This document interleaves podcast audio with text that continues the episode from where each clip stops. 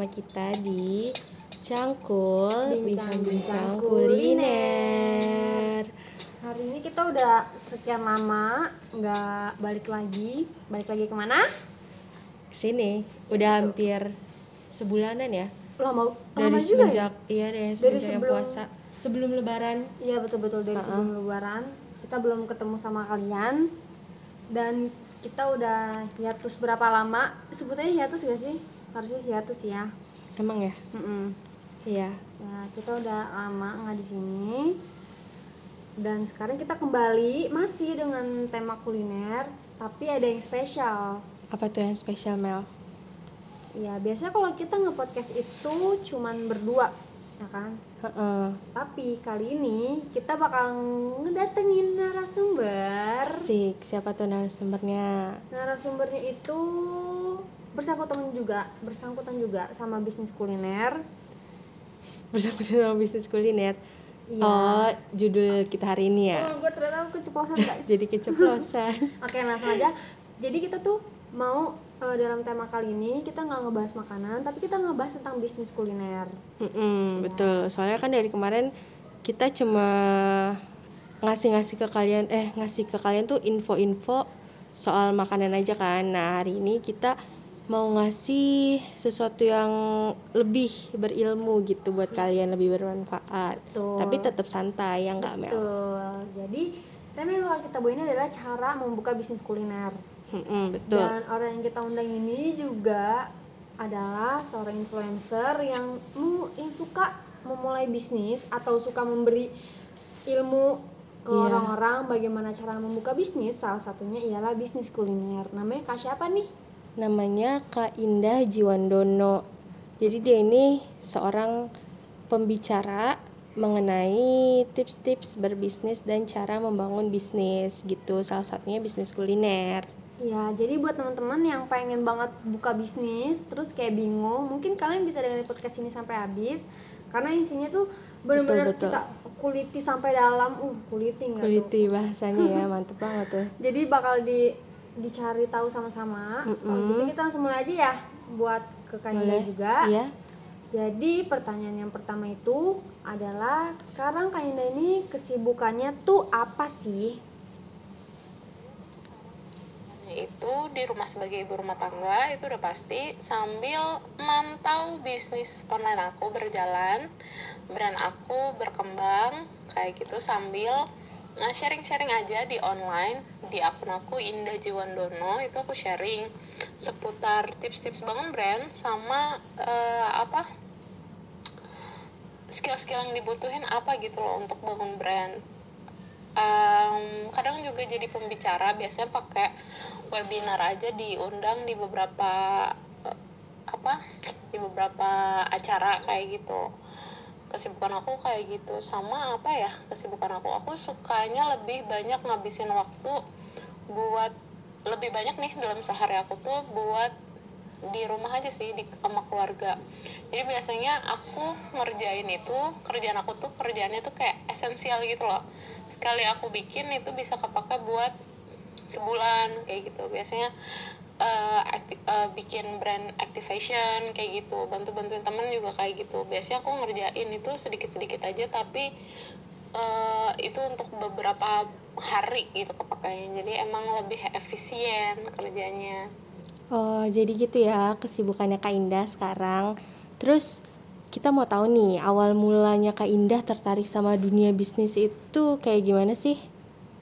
Jadi awal tertarik sama dunia bisnis itu nggak ada awal tertariknya, tapi lebih ke nggak sengaja kayak gitu. Jadi aku tadinya jagain salon tuh punya kakak aku, ternyata salonnya itu nggak bagus gitu kayak nggak profit. Nah, akhirnya kakak eh, tutup salonnya, terus aku diajak sama pacar aku waktu itu, pacar aku Mas Aji eh, gimana kalau kita jualin tuh waxing yang suka kamu pakai kamu bikin di salon kayak gitu.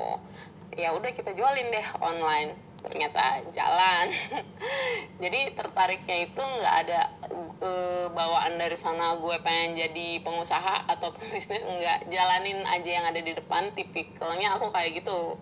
Ternyata dijalanin dan ditelatenin gitu. Jadi awalnya kan nggak langsung rame tapi aku telatenin. Karena aku ngeliat progresnya oh ada progresnya. Ada yang beli aja bagi aku tuh ada progresnya gitu. Waktu itu yang beli itu sebulan itu cuma lima. Tapi kok aku malah jadi oh berarti ada ya ini yang mau belinya. Tapi gimana caranya buat nge-reach mencapai lebih banyak orang lagi yang tahu brand aku. Kayak gitu aja sih. Akhirnya tertarik. Setelah kita nyemplung ternyata kita suka itu biasanya kita ngulik-ngulik kan. Jadi karena uh, aku nggak terlalu banyak yang gimana-gimana planning dan nggak mikirin progres lain semana aku masih segini. Enggak jadi aku fokus sama pro progresnya aku sendiri aja kayak gitu. Nah ternyata makin tertarik ada ada rasa tertarik ini gitu. Gali aja terus informasi lebih dalam. Akhirnya suka banget. Kayak terima kasih Tuhan. Telah memberi aku jalan ini gitu. Tapi nggak ada nggak ada yang di planningin tertarik dari awal nggak ada kayak gitu. Oke terus buat pertanyaan selanjutnya hal pertama apa sih yang harus kita lakuin nih saat mau melakukan bisnis terutama bisnis kuliner itu apa aja ya kira-kira Nah ini aku sering sharing nih sama teman. Jadi kan aku sering sharing juga tuh di Indah Juwandono itu pelaku usahanya itu ber, beraneka ragam. Mungkin gak di industri aku tapi karena emang aku uh, suka sama bisnis UKM ini nggak tahu ya kenapa aku suka banget nyimak di tiap kategori bisnisnya gitu kan. Nah yang hal pertama yang harus kita lakuin saat mau mulai bisnis terutama bisnis kuliner itu menurut aku nih kalau zaman sekarang adalah jangan batasi pikiran kita sama produk-produk yang udah ada. Jadi kita tuh harus berinovasi terutama dari bentuk tampilannya. Kayak gitu. Karena sebenarnya makanan itu batasnya apa sih? Imajinasi aja sebenarnya. Kayak aku nah tapi ada tekniknya. Nah makanya ketika udah dalam lagi nih ke tekniknya aku kan ngajarin branding gitu kan. Gimana caranya produk yang kita launchingin itu masuk ke persepsi atau benak audiens. Kayak contohnya misalnya ini. Ada uh, murid aku dia bikin risol kayak gitu ya. Jadi dia bikin risol ini sebenarnya produknya belum launch ya aku cerita aja nih. Aku bilang kayak dia ke dia gitu. Ya kita bukan meng, meng apa ya menyudutkan makanan risol enggak. Tapi risol itu udah punya namanya harga jangkar. Harga jangkar itu harga yang orang udah paham berapa sih harga uh, risol di pasaran ya kan? Kamu juga pasti tahu berapa harga risol di pasaran. Nah di sini masalahnya ketika kita ngebatasin uh, diri kita imajinasi kita kita hanya mengulang aja dari produk-produk yang ada di pasaran. Sedangkan produk di pasaran itu punya harga jangkar. Nah yang aku sangat saranin adalah keluar dari produk-produk yang udah biasa ada di pasaran kayak gitu. Nah terus aku bedah lagi tuh biasanya aku bedah lagi. Konsep dari risol risol itu sebenarnya isinya itu sangat bisa dipak diisi beraneka ragam. Kayak gitu ya. Nah anggaplah kamu cuma bisa bikin risol bisa nggak kamu bikin risol yang isinya itu kayak pizza? Kayak gitu. Terus kemudian dia coba oh bisa ternyata. Nah jangan berhenti di situ. Hal yang kedua yang orang salah adalah penamaan ternyata risol pizza itu sudah banyak yang uh, pakai uh, udah banyak yang jual. Tapi lihat harganya pasti murah. Ya kan? Risol pizza. Kalau kamu googling risol pizza itu banyak ya kan? Jadi hal yang berikut yang harus dipahami adalah benar-benar keluar dari nama kategori makanan yang sudah ada. Kayak gitu. Nah misalnya risol pizza jadi awalnya memang kita kayak bikin risol tapi ketika bentuknya udah nggak kayak risol lagi kita nggak perlu terjebak nyebut itu risol gitu. Nah karena apa tadi? Nama dari risol itu udah punya harga anchor namanya uh, tadi harga jangkar itu anchor price gitu. Ketika uh, kalau kamu googling sekarang risol pizza nggak ada yang booming. Kenapa? Karena itu udah ada anchornya gitu. Orang butuh ketika kita bikin makanan ya orang butuh spesies tanda kutip spesies baru makanan. Nah ketika ini idenya kombinasi antara risol dengan pizza kita harus e, cuman jadiin itu acuan pembuatan aja ketika kita masuk proses penamaan naming proses gitu proses penamaan kita harus lepasin pikiran kita dari itu semua dan berpikir bagaimana membuat nama untuk spesies baru makanan ini. Kayak gitu. Nah akhirnya aku ajarin cara nama e, bikin namanya. Namanya itu jadinya eh boleh disebut nggak ya? E, namanya itu jadinya intinya enggak risol enggak pizza tapi e, terasosiasi kuat sama bentuknya gitu. Nah dari nama itu sangat e, oke okay, tunggu bentar. Oh namanya itu pistik. Nah pistik ini ketika udah dapat naming prosesnya di masukin ke dirjen haki.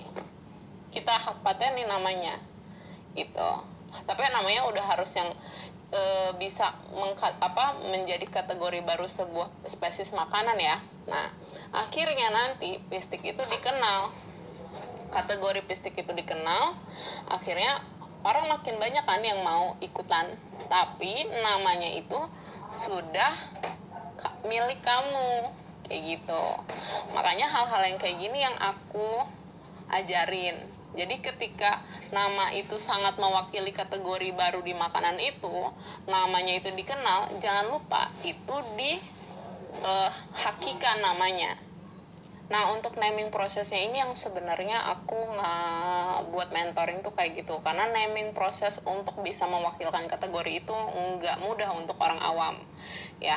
Kayak gini deh kita ambil contohnya. Sate taichan sate taichan itu sebenarnya sangat possible banget untuk dihakikan sate taichan. Tapi nggak dihakikan akhirnya semua siapa aja bisa bikin sate taichan. Kalau sekarang sate taichan dihakiin udah percuma. Kayak gitu. Jadi eh, awal-awal itu kita harus pede. Ini adalah kategori baru. Sebenarnya sate taichan itu cuman makanan kategori baru ya sate bentuknya agak beda aja kuahnya pedes kayak gitu kan. Tapi disebutnya taichan. Bahkan tanpa istilah sat apa nama sate di depannya misalnya eh beli taichan. Orang udah tahu itu sate bentuknya sate taichan. Tapi saya sih yang bikin nama taichan ini nggak paham betapa pentingnya untuk awal ngehakiin nama taichan itu. Karena kalau udah sekarang udah nggak ini udah nggak ada manfaatnya lagi buat dihakiin. Karena udah jadi istilah umum juga. Jadi di awal-awal itu penting. Nah hal ini yang uh, sering aku tekenin buat pembisnis UKM uh, eh, kebanyakan orang yang nyangka itu haki itu belakangan pas udah gede. Ya itu salah banget. Karena aku ketika aku mulai bisnis hal yang pertama aku lakuin adalah mendaftarkan hakinya itu. Itu hal yang pertama. Jadi pas udah udah ada uang. Udah ada uangnya benar-benar ada uangnya karena aku nggak daftar bukan karena nggak mau. Emang nggak ada uangnya waktu itu kan start bisnis aku tuh mulainya benar-benar modal apa gula yang ada di dapur nyaris nol modal gitu kan. Ketika kekumpul hakilah yang pertama kali aku daftarin. Hakilah yang pertama kali aku daftarin. Kayak gitu sekarang brand aku udah lumayan besar jadi udah udah aman lega gitu. Dengan kita mendaftarkan haki itu berarti kita juga besar harapan ini bisa besar juga jadi nggak nyepelein juga kayak gitu ya. Oh gitu ya kak. Jadi uh, untuk buka sebuah bisnis baru itu harus punya skill sama modal yang besar nggak sih? Untuk membuka sebuah bisnis itu harus punya skill tentunya ya. Modal yang besar skill itu masuknya di modal. Aku membuka bisnis itu modalnya nggak besar. Tapi modal uang gitu skill itu modal gitu. Jadi memang ketika kita membuka bisnis itu yang harus kita punya adalah skill. Perkara skillnya udah canggih banget atau enggak itu berjalannya waktu karena skill yang didapat dari proses belajar itu enggak bisa kamu punya di depan. Udah udah jelas. Tapi harus belajar gitu. Tapi harus mau belajar gitu. Nah untuk modal sendiri kan pendanaan sekarang udah apa ya udah ya makanya antara kamu sama imajinasi kamu itu harus sinkron dulu nih untuk di awal. Kayak aku nih pas awal punya modal itu berapa Oh, awalnya gula yang ada di dapur jadinya tiga toples wax misalnya. Imajinasi aku ya terjualnya tiga toples itu gitu. Modalnya digedein lagi kan. Imajinasi aku naik lagi terjual lagi 12 toples gitu kan. 12 toples masih bisa eh, apa namanya japri-japri reseller min- em, ngajak jadi reseller gitu kan. Ketika digedein lagi imajinasi aku mau terjual misalnya 100 ya kan? Mulai mikirin lebih banyak lagi gimana ngegait 100 kayak gitu kan? 100 eh, piece bisa terjual gitu kan? Nah nambahin modal lagi nambah lagi kan barangnya. Imajinasi aku mulai lagi gimana caranya laku jadi 1000 ya kan?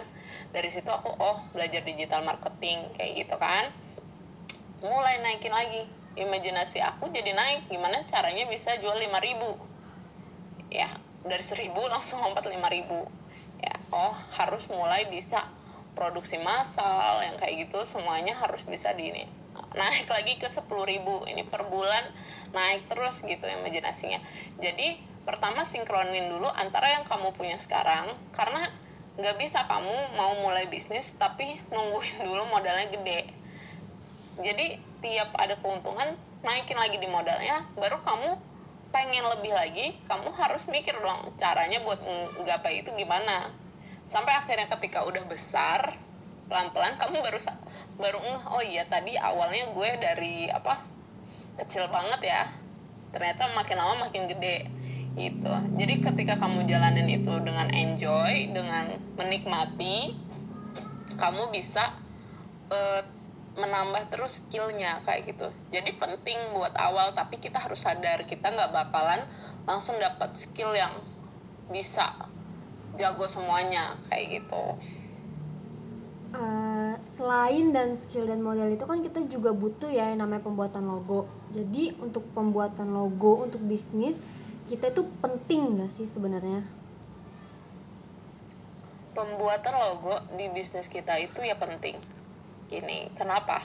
Karena ketika kita kemudian menjual segala bentuk keramahan kita, eh ime- apa persepsi dari produk kita itu nanti nempelnya di logo. Kayak gitu. Jadi seluruh nanti apa usaha kita untuk membuat persepsi tertentu di brand kita itu nempelnya di logo. Semua emosinya nempelnya di logo karena logo itulah nanti muka mukanya usaha kamu gitu. Jadi kalau kamu bilang oh, nanya penting apa enggak penting banget gitu. Jadi kalau misalnya bikin bisnis nggak pakai logonya ya berarti nanti emosinya nempel ke mana gitu. Jadi logo itu muka dari bisnis kita dan emang sangat penting. Nah tapi ketika di pembuatan logo penting aku nggak bilang tentang logo harus mahal ya. Jadi ada banyak option pilihan untuk membuat logo. Kalau kita nggak bisa bi- bikin sendiri pakai desainer desainer ada yang mahal ada yang middle ada yang murah. Yang penting kita kasih arahan desainernya kita mau logonya kayak apa kayak gitu. Karena sebenarnya e, desainer yang murah pun asal dikasih arahan yang jelas dia bisa bikin logo yang proper yang manis yang cantik juga yang cocok buat citra dari usaha kita kayak gitu. Jadi udah telak ya logo itu untuk bisnis itu penting banget. Eh, terus tantangan yang paling sulit dalam menjalankan sebuah bisnis terutama bisnis kuliner menurut kakak apa sih?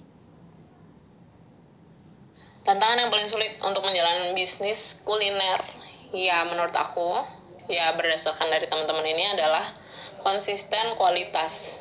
Entah itu bisnis kuliner kamu pakai ghost resto atau restoran ketika udah mau memperbesar bisnis kamu butuh kuantiti memproduksi lebih banyak makanan kamu biasanya eh, kendalanya adalah kualitas dari makanan itu beda. Kenapa tuh biasanya kayak gitu? Biasanya si ownernya itu kemungkinan ownernya itu.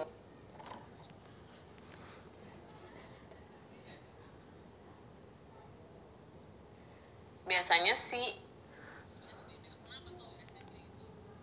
kenapa? Eh, kendalanya adalah eh, kendalanya adalah kualitas dari makanan itu beda. Kenapa tuh biasanya kayak gitu? Biasanya si ownernya itu kemungkinan punya resep rahasia dia nggak mau kasih tahu resep rahasia itu ke karyawannya. Takut diambil idenya takut nanti ditiru kayak gitu. Nah itu kenapa juga aku pengen ngajarin juga tentang branding. Karena ketika kita punya brand di kuliner kita hal-hal kayak gini nggak bisa kita eh, jadiin alasan untuk nggak bikin sistem supaya produk kita atau usaha kita bisa di scale diperbesar kayak gitu. Cuma karena takut nanti karyawannya kabur kayak gitu. Karena kita lihat restoran besar gitu berapa banyak sih yang akhirnya eh, karyawannya bisa bawa kabur resepnya terus bikin sendiri. Tapi yang dia nggak bisa bikin kan brandnya brandnya nggak bisa ditiru. Karena di brand itulah tadi persepsinya nyangkut rasa percaya ini enak rasa percaya ini berkualitas itu ada di brandnya kayak gitu. Jadi emang tantangannya itu mempercayai bahwa yang kita jaga itu brandnya kita gitu. Jadi jangan sampai hanya karena takut jadi nggak bisa diperbesar bisnisnya. Karena nggak mampu memproduksi kuantiti yang besar karena nggak mau ngasih tahu ke karyawan gimana sih ini cara bikinnya kayak gitu Oke, oke. Jadi sejauh ini kita udah dapat banyak banget eh, pertanyaan-pertanyaan yang mungkin bisa buat kita bisnis kuliner itu. Terus menurut Kak Indah sendiri, eh, menurut kakak perlu nggak sih anak-anak muda sekarang nih harus punya bisnis gitu? Menurut aku anak-anak muda sekarang perlu nggak punya bisnis? Dibilang perlu mungkin lebih ke eh, bisa nggak ya sih punya bisnis sendiri yang harus anak-anak muda? Ya kan kayak aku tua banget ya. Tapi eh, teman-teman itu harus tahu sekarang semua itu bisa lebih mudah. Media lebih asik ya kan?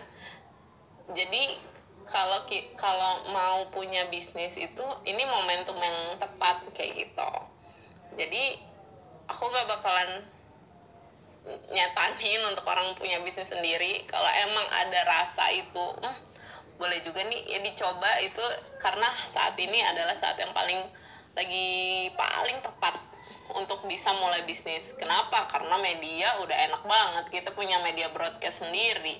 Sekarang nggak mesti ke artis, influencer bisa, kolaborasi asik, bisa konsinyasi, afiliasi. Pokoknya eh, dibilang perlu bukan tentang perlu. Kalian harus tahu ini ada option mencari uang yaitu dengan berbisnis gitu. Eh, terus terakhir nih kak tips dari kak Indah untuk teman-teman kita yang mau memulai bisnis tapi itu masih ragu atau takut kira-kira apa nih kak? Tips dari aku untuk teman-teman yang mau mulai bisnis tapi masih ragu atau takut, pertama, kalau emang takut atau ragu gitu sangat wajar itu satu. Tapi kalau emang ragu atau takut, kita bisa mulai dari bisnis yang kecil aja dulu. Yang penting kita belajar dulu ya kan. Jadi rasa ragu atau takutnya itu jangan dipelihara, tapi dilawan. Takutnya rasa takut itu cuman ada di pikiran kita doang. Ternyata hal yang kita takutin nggak terjadi. Kayak gitu. Emang e, Kak Indah juga mengawali bisnisnya juga modalnya dari kecil. Bukan karena takut tapi karena nggak ada modalnya.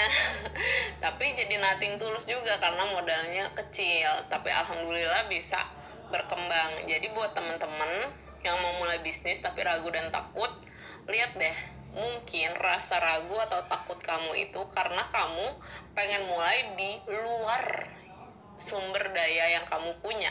Biasanya kayak gitu.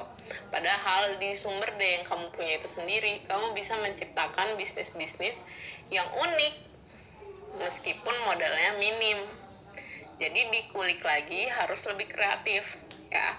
Kalau ragu atau takut ada alasannya karena tadi takut rugi itu tekniknya.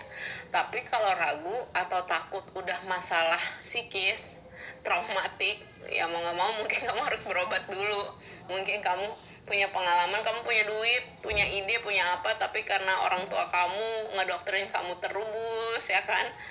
Itu agak dalam berarti sakitnya harus diobatin dulu mungkin di di hipnoterapi karena e, ragu atau takut yang muncul itu penyebabnya itu banyak hal.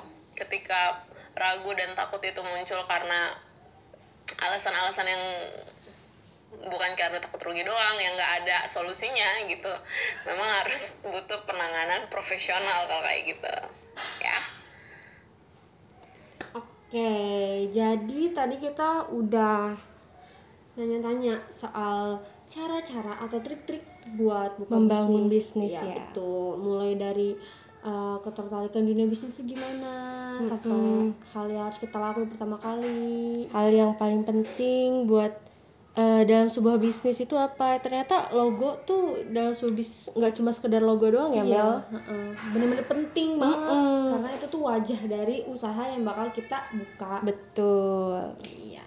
Jadi sejauh ini buat Besti Cangkul udah kepikiran nih mau buka bisnis, Bisnis. gak? Atau Nah. mungkin kalian udah punya ide kayak seperti yang Kak Dinda bilang tadi. eh kak Indah Oh ya, oke, I'm so sorry, Kak Indah. Eh, yang Kak Indah kasih tadi, eh, mungkin kalian udah punya modal, kalian udah punya skill, tapi kalian masih ragu, Masih itu takut, apa-apa. Iya, heeh.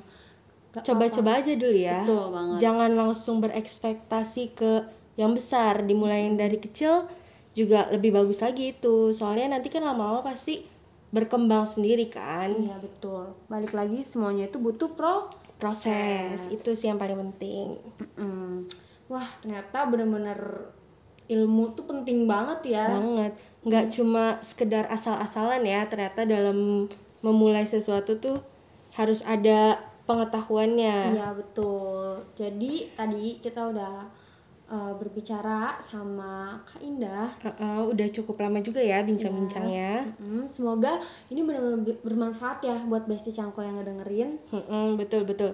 Jadi nggak cuma sekedar apa ya, tahu-tahu tentang kuliner-kuliner aja nih. Kalian juga bisa bikin usaha kuliner sendiri gitu. Iya betul. Ya jadi singkatnya kan harus buka bisnis terutama bisnis kuliner nggak sih Biar bisnis modal- apa aja sih sebenarnya Modalnya sedikit juga nggak apa-apa ya. Tadi Kak Indah aja modalnya cuma apa? Gula, ya, Gula. gula tiga toples itu udah bisa lumayan besar sekarang Sudah besar, bisnisnya. alhamdulillahnya ya kan teman-teman jadi buat teman-teman semoga uh, podcast episode kali ini yang bersama aku tadi kita juga lupa perkenalan tapi pasti kalian udah pada kenal lah Iyalah, udah beberapa episode Iya. masih eh masa masih lupa aja. Hmm, ya jadi hari ini bincang-bincang tentang bisnis kuliner bersama Kak Indah Sampai di sini. ya Eh, jangan lupa terus pantengin podcast kita setiap hari Minggu jam 6 sore. betul sekali dan see you di Next podcast week. Ya betul week. Heeh, di minggu ke depan oke kita bakal Bye. temenin kalian kok Betul. Bye bye. bye bye semuanya